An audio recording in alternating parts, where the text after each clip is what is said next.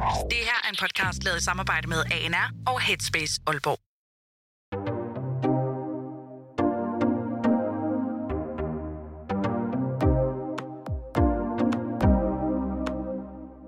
Hej Fie, Hej. og hej til dig, der lytter med. Jeg hedder Victor. Og jeg hedder Karoline. Og i dag, der skal vi tale om noget, som jeg personligt ser enormt meget op til. Vi skal nemlig tale om det her med at bryde ud af de kasser, som der ellers er mange, der gerne vil putte os i. Og det handler særligt omkring øh, studievalg øh, og uddannelsesretninger. Så i dag skal vi tale om at fravælge øh, et studie og gå direkte i arbejde i stedet. Derfor så er vi dig med, Fie. Du er 21 og arbejder i dag ved Siemens. Yes. Øhm, og altså i min vennegruppe, der er det sådan, at cirka 90 procent, hvis ikke flere nærmest, af mine venner, de har taget en videregående uddannelse, eller hvad hedder, hedder det overhovedet, en videregående uddannelse? En, en Universitetsuddannelse. universitetsuddannelse, ja. Hvordan er det i din vennegruppe, Fie? At, at der er mange, der har valgt ikke at gøre det ligesom dig? Øh, altså, jeg synes faktisk, det er meget sådan forskelligt. Øh, men nu er det også fordi, og jeg ved ikke, om det bare er i min venindegruppe, men der er rigtig mange, der lige tager et par sabbatår, Ja. inden de går videre. Øh, og det var jo egentlig også bagtanken bag mit øh, arbejde, jeg har nu. Men det udvikler sig så bare til noget andet, i hvert fald, hvad jeg kan mærke det nu. Men jeg synes egentlig, at, at det er okay. Altså, at det er en fin sådan fordeling, der er. Øhm, og det jo, handler jo bare om, at, at jeg gør det, jeg har lyst til, og mine veninder gør det, de har lyst til. Ja. Øhm, og selvom man måske på en eller anden måde kan føle sig presset til noget andet. Er det noget, du har følt dig presset imod det her med at tage en uddannelse? Altså, jeg tror, øh, da jeg gik i øh, gymnasiet og gik på STX, øh, der var jeg bare mega presset på alt, fordi jeg synes simpelthen, det faglige, det var så... Altså, det var virkelig noget, der satte mig i en svær situation. Øhm, og jeg tror, efter det, så fik jeg sådan lidt en øjenåbner. Men jeg tænkte, jeg skal nok på en uddannelse på et tidspunkt. Og det kan jo også godt være, at jeg skal det. Øhm, det ved jeg jo ikke endnu. Øhm, men lige nu er jeg i hvert fald gået ud af en vej, som er at have et fuldtidsarbejde og se, hvad det fører hen til. Men det kan jo også godt være, at jeg om tre år gerne vil på en uddannelse. Altså det ene lukker jo ikke rigtigt det andet. Nej, slet ikke. Hvad er det egentlig, du laver ved Siemens? Er det et fuldt voksenjob, eller hvad kan man sige, allerede? Eller er det bare en elevplads, eller hvad? Jamen altså, det er egentlig, øh, jeg er egentlig altså sådan ufaglært. Øhm, og så øh, hedder det, at vi pakker øh, vindmøllevinger. Og det vil sige, at man øh, ligesom har en form, hvis man forestiller sig, det jeg ikke, en, kageform. Mm-hmm. øhm, og så fylder man den op med glasfiber i forskellige lag, ligesom hvis det var en lavkage eller et eller andet. Og så bagefter, så kommer der en form ovenpå igen. Okay. Og så bliver den støbt, og så ja, Så er der skal en vinge. lige sætte sig, og så er der en kage. som så Ja, er lige præcis. præcis. En vindmøllekage. Mussen, den skal lige sætte sig, så er vi der. Yes. Så det er egentlig det, jeg laver. Ej, hvor spændende. Ja, Det mener jeg faktisk, det lyder vildt spændende. Ja.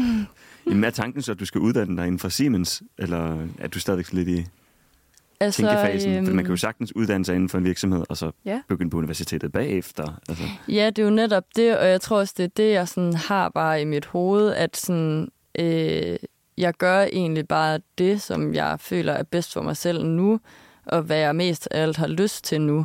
fedt. øhm, og lukker egentlig bare sådan lidt, hvad andre de tænker ude, fordi at jeg har kunnet mærke, at jeg, efter jeg gik ud af gymnasiet og blev student, og jeg kom ud på det arbejde, jeg har nu, så er altså hele min verden blevet så meget bedre. Altså både mit selvværd, men også altså, min glæde og alting. Øhm, så lige nu så er det det, jeg skal, og det kan jeg bare mærke på mig selv.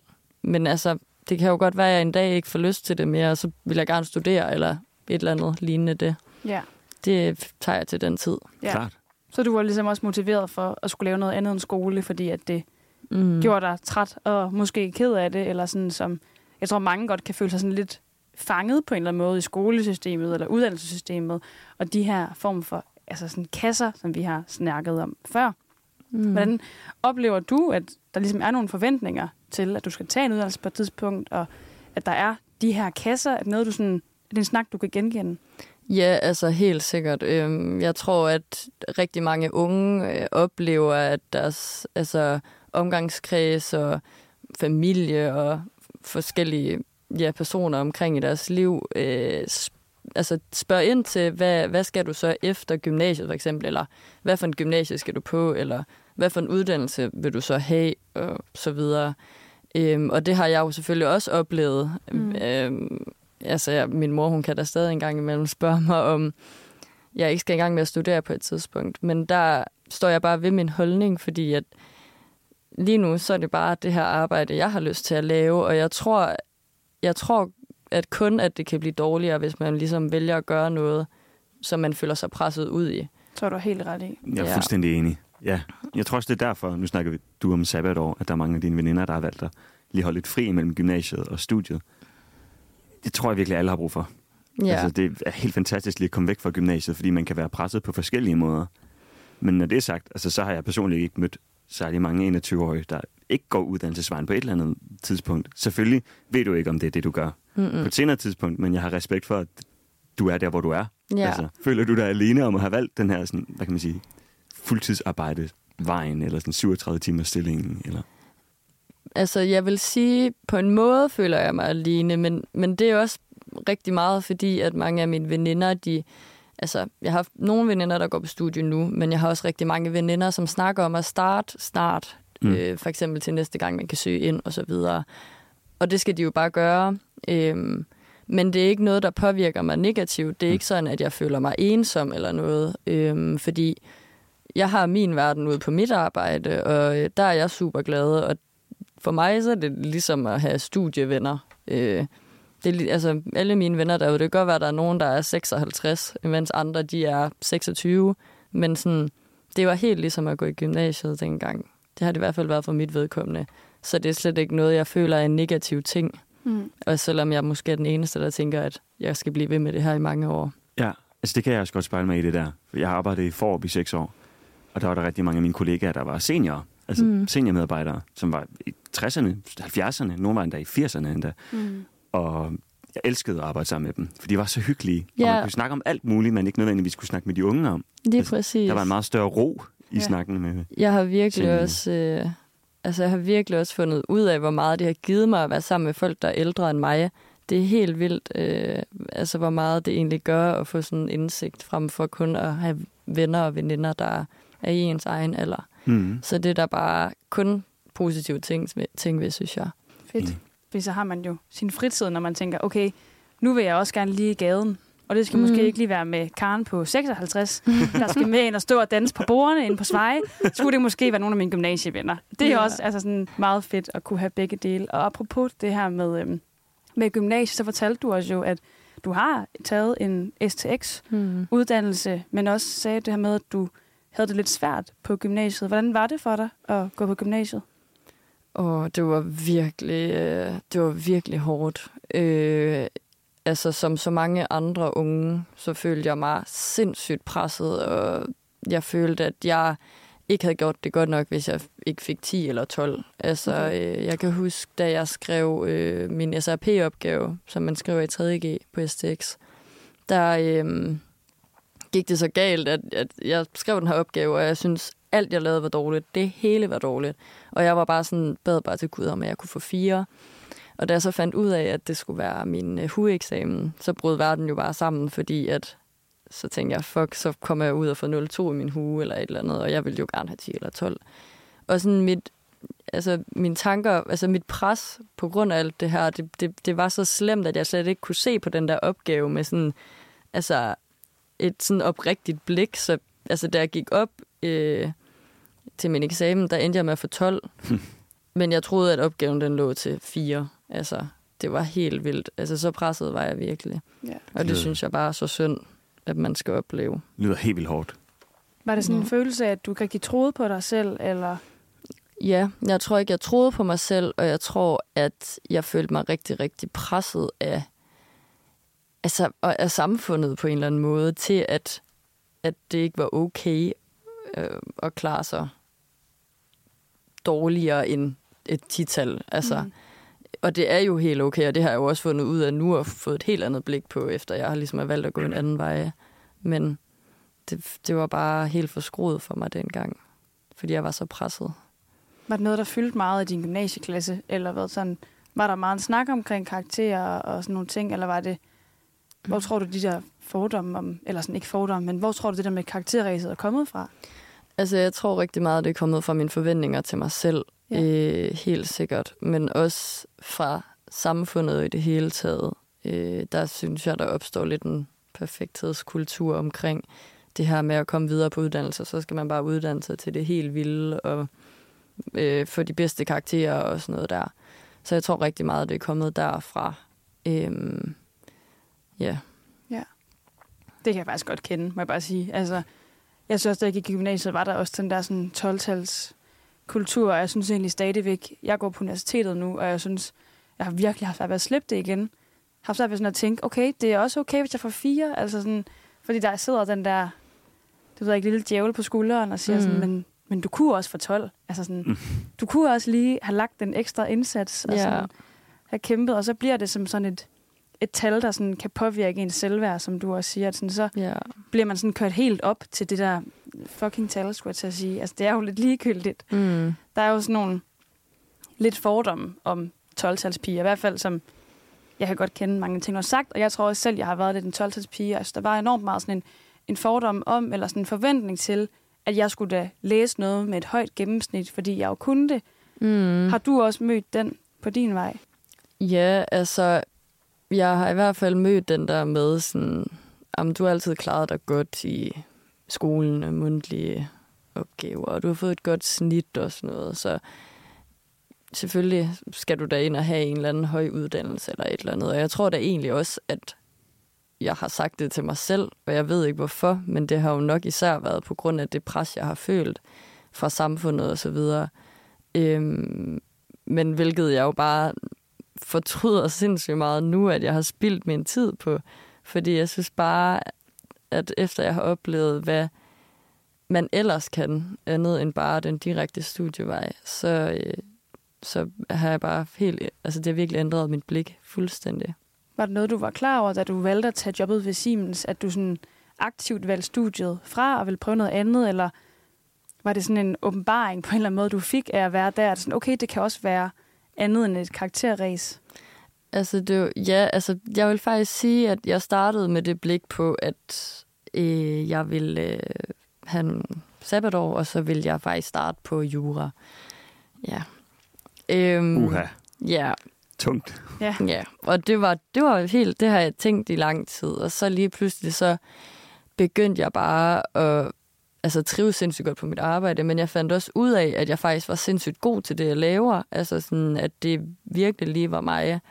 Øhm, og så tror jeg bare, at jeg fik sådan en følelse af, at kæft, jeg ville være ked af at undskyld mit sprog, men er jeg okay. ville være ked af at skulle forlade det her sted lige nu i hvert fald. Så på det tidspunkt, der udsatte jeg den der jurauddannelse. Og da jeg gik ind i mit andet sabbatår, der sagde jeg til mig selv, jeg tager et tredje sabbatår. For det, det var virkelig bare det, jeg følte. Ja, og så skal man også tage et fjerde, eller et femte, eller et Mhm. sjette, hvis man føler for det. Jeg kender så mange, der, altså også forhenværende 12-talspiger, der bare startede på et eller andet, Hmm. fordi de havde snittet til det. Ja, Altså så er de ind på øh, for eksempel psykologi, eller Mm. jura, Det eller jeg medicin. Mm. Ja. Eller bare generelt en, en, en uddannelse, som har et højt snit, fordi de tænker, hvis den har et højt snit, så bliver jeg nødt til at søge på den, fordi jeg har jo snittet. Jeg har det der på 11,4, efter jeg har kæmpet mm-hmm. altså, røv ned i bukserne i tre år, og virkelig haft det skidt, så jeg bliver nødt til at bruge det til noget. Og når de så starter på en uddannelse, så er de svært ved at differentiere imellem sådan, ja, hvad der forventes af dem, og hvad de forventer af sig selv. mm. Fordi de sådan lidt stadigvæk er fanget i den her gymnasieboble. Ja. Og så brænder de jo fuldstændig ud i løbet af ingen tid. Mm. Men ja, altså, apropos det, hvis du nu ser tilbage på gymnasiefie, som jo var presset, altså sådan helt ud i hundene under SAP'en der, mm. Og gerne vil læse jura.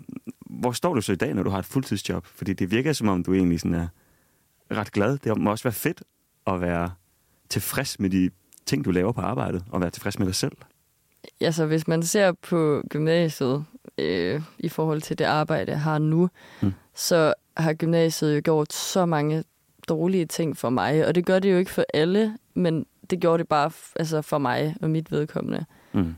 Øhm, frem for mit arbejde, hvor jeg virkelig er vokset. Altså, jeg har bare fået så meget mere selvværd, og alle mine kollegaer derude fortæller mig, hvor stor en udvikling jeg har virkelig har haft derude, fra, fra jeg startede og så til nu. Øhm, og det, det, det er jo også bare sådan noget, der, der, altså, der bekræfter mig i, at lige nu, der gør jeg i hvert fald det rigtige. Hvad er det for en udvikling, de har set? Det har bare været, øhm, hvordan jeg er gået fra at være ekstremt usikker øhm, og være i tvivl om alt. Og jeg kan huske, øh, jeg har haft nogle situationer derude, hvor jeg virkelig har været sådan... Jeg virkelig har været sådan ked af, at jeg kom til at lave nogle fejl derude, hvilket man jo altid gør. Der er jo ikke noget Man galt bare fejl. menneske. Mm. Men jeg var jo bare vant til for gymnasiet, jeg skulle ikke fejle. Øhm, hvor jeg nu, hvis jeg fejler, bare tænker, ja, pyt, altså det finder vi ud af. Øhm, så det er virkelig bare sådan, jeg har fået meget mere sådan selvtillid og selvværd, og er meget mere glad, og stråler bare meget mere, fortæller mange mig. Det lyder virkelig fedt. dejligt. Ja. Ja, helt vildt. Ja. Ja. Ej, hvor skønt egentlig. Jeg, jeg bliver enormt nysgerrig på det her, fordi at jeg nævnte jo i starten, at jeg virkelig ser op til din beslutning, og det tror jeg er fordi, at jeg også, jeg er jo, jeg er jo gået rimelig øh, direkte igennem, jeg har haft øh, to almindelige sabbatår, hvor man lige skal Mm. rejse lidt og lige ud og have en pause, men så er jeg så også trådt direkte ind i universitetets verden igen og studieverdenen, og jeg synes bare, altså, det er fint, men jeg synes, jeg er mere glad for mit arbejde, så jeg har mm. selv haft enormt mange tanker om det der, som som og sådan at ture og springe ud i det. Hvad var det, der gjorde, at du ligesom sådan ture og springe ud i det, og det her med ikke at se det som sabbatår længere, men at se det som, jamen, jeg arbejder, i stedet for at tage en uddannelse. Mm. For der Mm. venter ikke en uddannelse på den anden side af de her otte sabbatår. Og sådan. Mm. Altså, jeg tror bare, det, der gjorde det for mig, var at tænke på, altså fordi at jeg vælger den her dør lige nu, så lukker det jo ikke alle de andre døre. Så hvis jeg på et tidspunkt gerne vil studere, så er det jo ikke for sent. Altså, det kan jeg jo springe ud i. Øhm, og så tror jeg jo bare, altså, at det betyder så sindssygt meget for mig, at jeg har valgt det, jeg har lyst til lige nu. Øh, og at det er bare en lettelse, alt det pres der, det egentlig sådan forsvinder fra mine skuldre, fordi hvis jeg blev ved med at tage sabbatår, hvor jeg bare havde et arbejde, jeg ikke havde lyst til og sådan noget, så tror jeg da stadig, at jeg virkelig kunne mærke det der pres på sådan, ej, jeg skal starte på studie lige om lidt, og hvad skal jeg vælge, og ej, og jeg kan slet ikke overskue det og sådan noget. Fordi så var det ligesom stadig det, jeg, jeg tænkte, jeg skulle. Men nu, når jeg har et arbejde, et fuldtidsarbejde, jeg er så glad for, så er det jo bare det, jeg tænker, jeg skal lige nu. Helt klart. Det forstår jeg godt. Jeg, kan, jeg er også lidt nysgerrig på, ja, altså på 12-talspigen igen, det der med det høje snit, om det sådan... Nu vidste du jo godt, at du ville læse jura, men har, kender du nogen, der har været forvirret om, hvad de skulle læse, fordi de har haft et højt snit, fordi de sådan, der har været så mange valgmuligheder?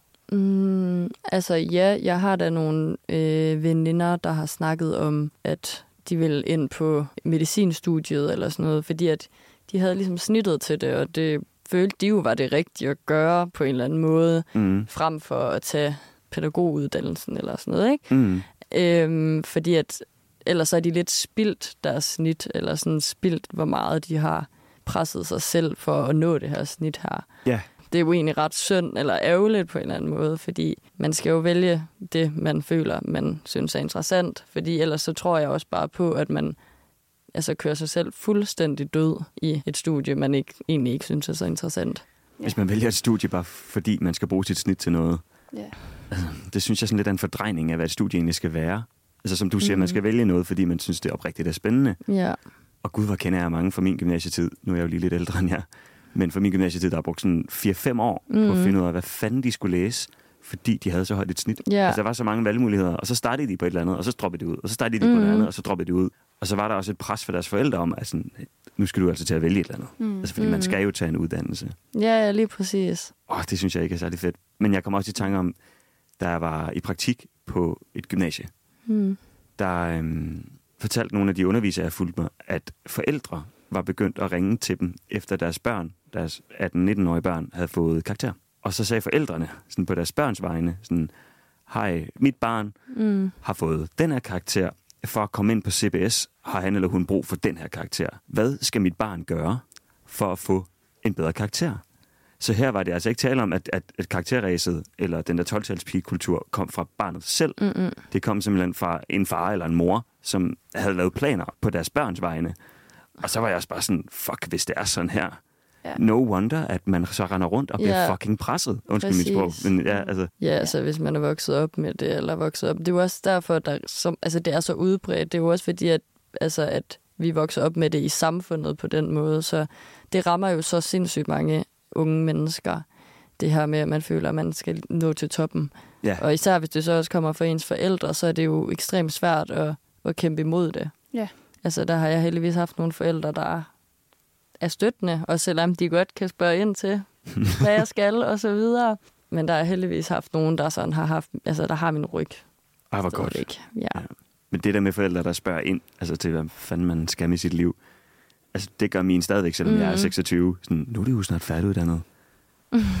du skal bruge din uddannelse til noget. Ja. Det er en ny fase, Victor. Og jeg er sådan, hvad nu hvis ikke jeg vil bruge min uddannelse til noget? Mm. Hvad nu hvis jeg gerne vil tilbage til Forb og styre orkanen og bare hygge mig? Ja. Altså sådan, så skal jeg så lov til det. Altså, ja, ja, det burde man jo i hvert fald have lov til, hvis det var. Og det synes jeg jo også, at man har. Og det er jo det, jeg har givet mig selv lov til. Mm. mm-hmm. Men ja, det er bare så sindssygt ærgerligt, at, at så meget i samfundet gør, at altså, det ligesom sådan der bliver, bliver peget over på noget andet. Mm. Mm. Øh, at hvis du er nået toppen i gymnasiet, så skal du også nå toppen i, altså på universitetet eller et eller andet. Mm. Ja. Og det er så der, hvor man brænder ud, kan jeg sige. Hvis man også hele tiden higer efter at komme på Ja. toppen på universitetet. Mm. Det ved jeg ikke, om du kender til, Karoline. Jo, det tror jeg, altså... Jeg tror, at jeg ligesom er ved at lære nu, at jeg ikke behøver at hige efter at være på toppen på Mm. universitetet. Men jeg er bare enormt nysgerrig på det der med om, at tage en anden vej end universitetet også, og sådan Mm. prøve at fravælge uddannelse. Har du haft nogle bekymringer om det, Fisen? Eller har du nogle bekymringer om det der med... Jeg synes tit, jeg hører den der gode smøre med at have noget at falde tilbage på. Mm. Altså, sådan, det er altid det der med, jamen, så, så skal jeg lige have en bachelor, fordi så har jeg jo noget at falde tilbage på. Kan du godt kende den, og kan du blive, måske blive træt af at høre på den? Ja, altså jeg kan helt vildt godt genkende den, og det tror jeg, at de fleste unge, der oplever det her pres her, de kan. Øhm, fordi altså, det er jo virkelig noget af det, som bliver, bliver snakket om i forhold til det her med at have en uddannelse og så videre. Ja. Og på en måde, så kan man jo godt se logikken i det. Øhm, selvfølgelig er det godt at have noget, man kan falde tilbage på, men jeg synes også bare, at det kan godt være, at jeg ikke vil finde noget lige nu, som jeg kan falde tilbage på. Altså, men det, det betyder jo ikke, at jeg ligesom sådan, det fuckede jeg lige op i. Det er helt okay. Men der kan også være noget i det der med, at skal det være en uddannelse, man falder tilbage på, eller kan det være, at man så har arbejdet mega længe ved Siemens og opbygget Hmm. et virkelig flot CV der? Det tror jeg da, jeg tænker, at du har da mere at falde tilbage på, end jeg har, fordi du har været på arbejdsmarkedet vildt længe. Ja, altså... Ja, og det har jeg jo, og det har jeg også tænkt mig at fortsætte med, men altså, nu kan jeg kun snakke ud fra mine egne erfaringer ude på Siemens i hvert fald. Øhm, og der er der sindssygt mange, der måske har været der i 17 år eller et eller andet, som startede som det, jeg måske laver, er blevet teamleader, som man kan være derude og så videre, og så måske nu er endt med at være produktionschef eller gruppeleder eller et eller andet, ikke? Altså sådan, ja. som jo er de der høje chefstillinger. Ja. Så det er meget erfaring, man kan ligesom gøre sig igennem arbejdslivet. Ja, og så bygge sig op på den måde, i stedet for Ja. alverdens forskellige uddannelser, som vi andre prøver på, og Mm. måske en eller anden dag, om når vi er 30, så kan jeg komme ud og lave noget karriere. Lige præcis. Jeg glæder mig i hvert fald til dagpenge lige om lidt. Der Ja. er ikke nogen jobs, kan jeg sige. Det skal nok Så jeg er lidt misundelig. Ja, vi har faktisk også lige fået to fysioterapeuter ude ved os, som heller ikke kan finde arbejde. Okay, Mm, hvis I mangler en historiker, så siger jeg til. Står du lige her og prøver på at få dig et job? Nej, nej, nej, overhovedet ikke. Network. Ja, networking. Jeg bliver faktisk enormt nysgerrig på din hverdag, Fie, fordi den er så anderledes fra min, fordi jeg jo læser på et studie, hvor vi er over 100 studerende, og jeg er sammen med unge hele tiden, og jeg kan huske, at i mit sabbatår, der arbejdede jeg som receptionist i en større virksomhed. Øh, og der var enormt mange mænd og kvinder, plus 50, på mine forældres mm. alder. Og jeg kunne bare føle mig så malplaceret nogle gange i den der frokoststue, fordi at det hele det handlede om børnebørn og drivhus, og jeg kunne bare ikke tale med. Nej. Altså, føler du også nogle gange, at, at du ikke passer ind på din arbejdsplads, eller kan det være en force, måske, at du er ung? Altså, øh, dengang jeg startede, så sagde jeg til mig selv, nu prøver jeg det her, men sådan, hvis ikke det er mig, så siger jeg nej tak. Fordi jeg troede, jeg kom i hvert fald på Siemens ud til en eller anden mandeverden. Ja. Øhm, og det er jo bare mine forestillinger, jeg har haft i mit hoved. Øh, og så kommer jeg derud, og der er bare, altså, jeg tror på mit vi har vi inddelt i, altså i pakkehold ude også. Der var et tidspunkt, hvor der var flere kvinder, end der var drengen. Så det var fedt. Men altså oven i det, så er, altså, og det er jo også en af de fede ting, jeg ligesom har erfaret ved at have et fuldtidsarbejde lige efter gymnasiet, det er, at jeg har det bare sindssygt godt med folk, der også er ældre end mig, og også meget ældre end mig. Og nogle af de mænd, der er derude, ikke? Altså, det kunne have været min far. Så, så, altså, de er jo på alder med min far, ikke? Og sådan, jeg oplever bare overhovedet ikke, at der er nogen sådan forskel. Selvfølgelig er der nogle ting, jeg snakker med nogle af dem på min eller med derude, og så er der nogle ting, som ja, de snakker med dem på deres eller om, og så videre. Men altså, i det hele taget, så er der bare en sindssygt god dynamik. Det er i hvert fald det, jeg har oplevet ude på Siemens, hvor Dejligt. alle bare trives sammen. Så du kan også godt tale med, selvom det handler om børnebørn og drivhus. Sagtens, sagtens. Fordi det tror jeg lige er sådan en ting, man skal lige tabe ind i. I hvert fald, Ja. som jeg lige skulle. Og... Jamen, det brugte også rigtig meget tid på at tænke over det selv, dengang jeg startede. Ja. Øhm, og så blev jeg bare så positivt overrasket, efter jeg kom derud. Mm. Dejligt. Ja, man skal bare huske, at man er ligeværdig. Altså, man er jo begge to bare ansat ved Siemens. Lige altså, Sådan, præcis. så er alderen jo lige meget i sidste ende. Ja, Og så kan man prøve at snakke med på børnebørnesnak, og sådan, Ja. hvis man føler for det. Hvis ikke, så kan man dreje det over på noget andet. Altså, ja det, eller snakke med nogle andre, Lige eller præcis. lige øh, tage to minutter for sig selv. Altså, det er ikke værre end det. Nej, Det er slet ikke så skræmmende, som jeg ligesom havde, selv havde regnet med, det var. nej. Og jeg kan huske, vi igen tilbage til Forop. Altså, min far, han arbejdede i Norge på et tidspunkt, og kom hjem, og så ville han ikke være dyrlæge mere. Og så overvejede han noget andet. Han overvejede at blive hundelufter. Altså lave en virksomhed, hvor han skulle lufte hunden. og så var min mor sådan, nej, det skal du ikke. Og så mig og min bror, vi arbejdede begge to i Forop, og vi var sådan, hvorfor søger du ikke ud i Forop? Der er sygt mange på din alder, og ældre, der er derude. Mm. Så han sådan, det vil jeg fandme gerne. Jeg skal køre tog. Jeg skal køre tog Jeg vil meget gerne i køre tog. Forup Sommerland. Ja, det var det, han ville. Fedt. Og så søgte han, og så fik han det.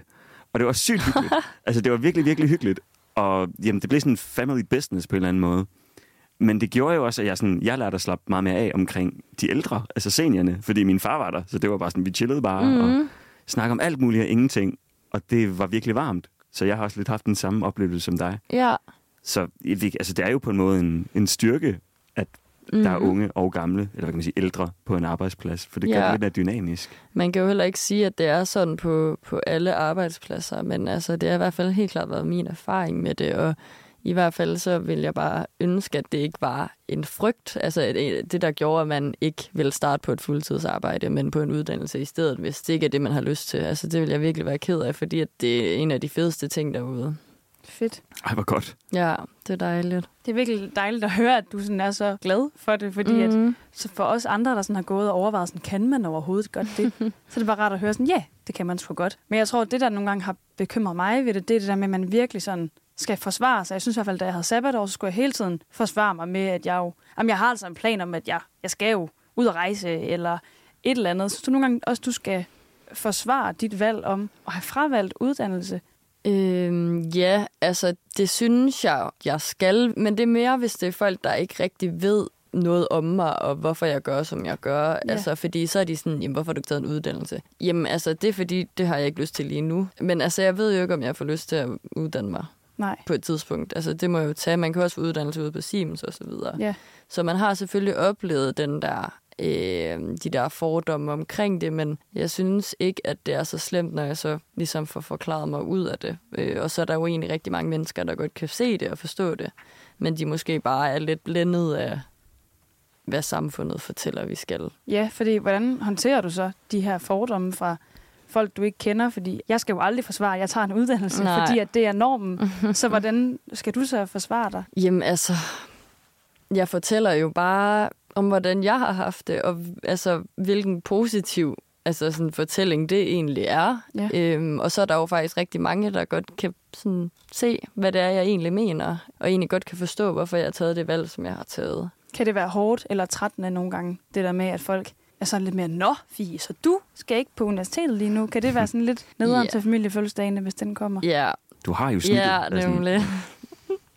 altså, det er... Øh, det kan godt være trættende at høre på, øhm, og man kan da godt ja, blive irriteret over det, men jeg tror bare, man skal huske på at ligesom der, altså ligesom sådan holde ved sig selv, altså gå efter sit hjerte på en eller anden måde, fordi ellers så bliver det sgu værre, end at du sidder og bliver lidt irriteret over, at dine bedste forældre siger et eller andet træls. Ja, man skal også lige minde sig selv om, at de er altså, en ældre generation, Ja. som måske er lidt mere firkantet. Lige præcis, og det er nemlig det. Mm. Jamen, hvad ser du egentlig som de største udfordringer og styrker ved at vælge den her sådan lidt anderledes, lidt atypiske vej i livet, sammenlignet med det, Maja Karoline laver? Altså, jeg ser helt klart nogle styrker ved, at jeg ligesom øh, har opbygget et mega dårligt selvværd til et mega godt selvværd på ingen tid. Altså, og jeg ved, hvis jeg var gået videre på uddannelse, så havde jeg blevet ved med at Slå dig selv i hovedet. Ja, yeah, og have det ned, altså nederen med mig selv og træls og Mm. alt sådan noget. Så det synes jeg var mega fedt, men jeg synes jo også, det er mega fedt at få en indsigt i arbejdslivet så tid, i så tidlig en alder. Altså, jeg har jo selvfølgelig haft øh, sådan studiejobs, mens jeg gik på STX og sådan noget. Øh, men det er slet ikke sammenlignet hvad et, altså med, hvad et fuldtidsjob er, føler jeg ikke. Det er så meget mere, og det synes jeg er mega dejligt, for det tror jeg ikke så mange på en uddannelse bare lige sådan får. Det kan godt være, at man er i praktik, eller man har et lille studiejob eller et eller andet, men jeg tror bare ikke, man kan få den helt samme indsigt i, hvordan et arbejdsliv er. Det er en 37-timers stilling, ikke også? Jo, altså jeg arbejder 24 timer i den ene uge, og så arbejder jeg 42 i den anden. Okay, Det er 12 timers vagter. shit. Ja. Det lyder hæftigt. Mm. Sådan, har du, nu spørger jeg bare, René, skal interesse, sådan, har du overskud til at tage i byen om fredagen eller om lørdagen, eller er du sådan helt bumpet i, i Øhm, weekenden? Jamen altså, det føler jeg virkelig, jeg har. Altså, det var svært for mig i starten, fordi man skulle vende sig til det. Ja. Øhm, men det har jeg helt sikkert nu, og det er jo også bare, fordi det er blevet så nem en hverdag for mig, fordi jeg er blevet så vant til det. Mm. Øh, så altså, for eksempel på lørdag, der skal jeg da til indflytterfest, og jeg skal arbejde på lørdag. Så det er noget, man sagtens skal få til at hænge sammen, og jeg har slet ikke nogen problemer med at få det til at hænge sammen med mine, øh, mine venindegrupper, som ikke laver det samme som mig. Ej, hvor fedt. Ja, det er Ja. mega dejligt. Det er jeg mega glad for at høre. Ja, at man godt kan have det sjovt, selvom man skal arbejde 37, 37 timer, eller mm. mere end det endda, Mm. mm. at være 21. Ja. Det er virkelig inspirerende at høre om din karrierevej, Fie. Jeg håber, at nogle af vores lyttere derude, som også sidder og overvejer de her ting, kan bruge det her til noget, for der er jo faktisk ansøgningsfrist lige om lidt øh, Mm. til at søge ind på øh, studierne. Hvad vil du gerne råde andre unge til, øh, som føler, at de ikke passer ind på uddannelsesinstitutionerne eller i de her kasser? Har du nogle gode råd til dem?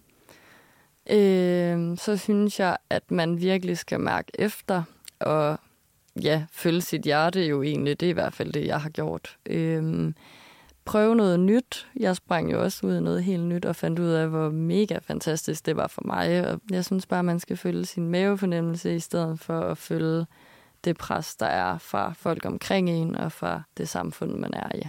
Altså, er det ikke også ret fedt, at man får en løn? Jeg vil bare sige, Oh. nu er jeg på SU, der er ikke sådan vildt meget at rykke med, altså sådan i forhold til budgettet. Det må da også være ret fedt at være 21 og være sådan her, ja, jeg kan godt gå ud og købe drinks. Det kan jeg godt. Ja, Ja, det er, et, det er et godt plus, det vil jeg sige. Det er mega dejligt, men det er ikke det, der afholder mig fra at vælge studie. Selvfølgelig ikke. Det er bare fordi det, jeg laver nu, det er det, jeg skal. Det er en sidegevinst. Ja, det må man sige. altså der, hvor du står i dag, nu har vi også snakket lidt om studievalg, og du har været lidt jura. Altså føler du, at du nogensinde kommer tilbage til den idé? Tror du, du kommer til at studere jura, eller bare læse et eller andet? Eller sådan? øhm, jeg tror ikke, jeg kommer til at studere jura. Det tror jeg, det, det ender sætter mig totalt tilbage i, øh, i den samme situation, som jeg var i gymnasiet. Men måske får jeg en uddannelse. Efter jeg er kommet derud, så har jeg bare fundet ud af, at jeg egentlig godt kan lide altså noget med ledelse, har jeg egentlig fundet ud af. Og, og det har jo også været, fordi jeg har fundet ud af, at der er nogle ting, jeg kan, altså er god til derude. Så det finder man jo også ud af på et arbejde, at man har nogle styrker, og det måske er nemmere også på den måde at finde ud af, hvad det er, man egentlig gerne vil med sit liv. Det er i hvert fald, har- føler jeg, er sket for mig. Ej, hvor fedt. Jeg kan huske, da jeg arbejdede på den her større virksomhed, var der faktisk en, en ung pige, også på 21, og som også bare altså, gjorde det som dig, og var virkelig cool. Altså, Hmm. Og hun er ret sej i dag, må jeg også bare sige. Altså, sådan, hun har ikke taget en uddannelse, og jeg tænker, hold da op, altså, hvor, hvor har du det fedt nogle Mm. gange. Og, hvor, og du sidder ikke derhjemme og spiser råbrød til aftensmad, og du kan godt balancere din, øh, din hverdag med 37 timer og Mm. mm. gå til sport og have det mega fedt. Ja. Og rutine, må jeg også bare sige, jeg kan altså godt savne den der rutine, eller være lidt misundelig på, Ja, at have sådan en hverdag, hvor at man kan gå hjem, og der er arbejdet ligge på arbejdet. Det er også bare fantastisk. Altså, det er så dejligt, at jeg ikke skal hjem og lave en aflevering, jeg skal hjem og lave lektier, og at jeg bare har fri, når jeg har fri, og jeg ved, hvornår jeg har fri, og jeg ved, at jeg har hele fridage, hvor jeg kan lave lige præcis det, jeg har lyst til. Det kan jeg virkelig godt forstå. Mm. Mm. Hvis du lige her på øh, falderæbet skal sige noget til gymnasiefie, mm. er der så noget, du kunne tænke dig at sige? Lad være med at have så høje forventninger til dig selv. Fordi den eneste grund til, at du har det, er fordi, at du føler, at alle andre har det. Så ja, det er jo nok det, jeg vil sige. Tak. Og tak, fordi du vil være med i dag og snakke med os. Det har været enormt inspirerende. Det kan være, at der er nogen, der sidder derude og tænker, det var det, jeg dropper skud af min uddannelse. så, så go for it, prøv noget andet. Eller nogen, der tænker, jeg skal ikke have en uddannelse. Jeg stemmer for i hvert fald, hvis man ikke føler, at det er det, man Ja. skal. Det er i hvert fald øh, ikke så farligt, kan vi høre. Det har været Slet rigtig ikke. dejligt. Mm. Hvis øh, du har lyst derude, så kan du følge med på vores Instagram. Den hedder limbo underscore ANR. Du kan også øh, skrive en mail til os på limbo hvis du har nogle forslag eller idéer til, hvad vi kan snakke om i fremtidige afsnit. Den her podcast, den er produceret i et samarbejde mellem Headspace Aalborg og ANR. Husk, at vi altid er her, når du er i limbo. Mit navn er Victor. Og mit navn er Karoline. Tak fordi du lyttede med.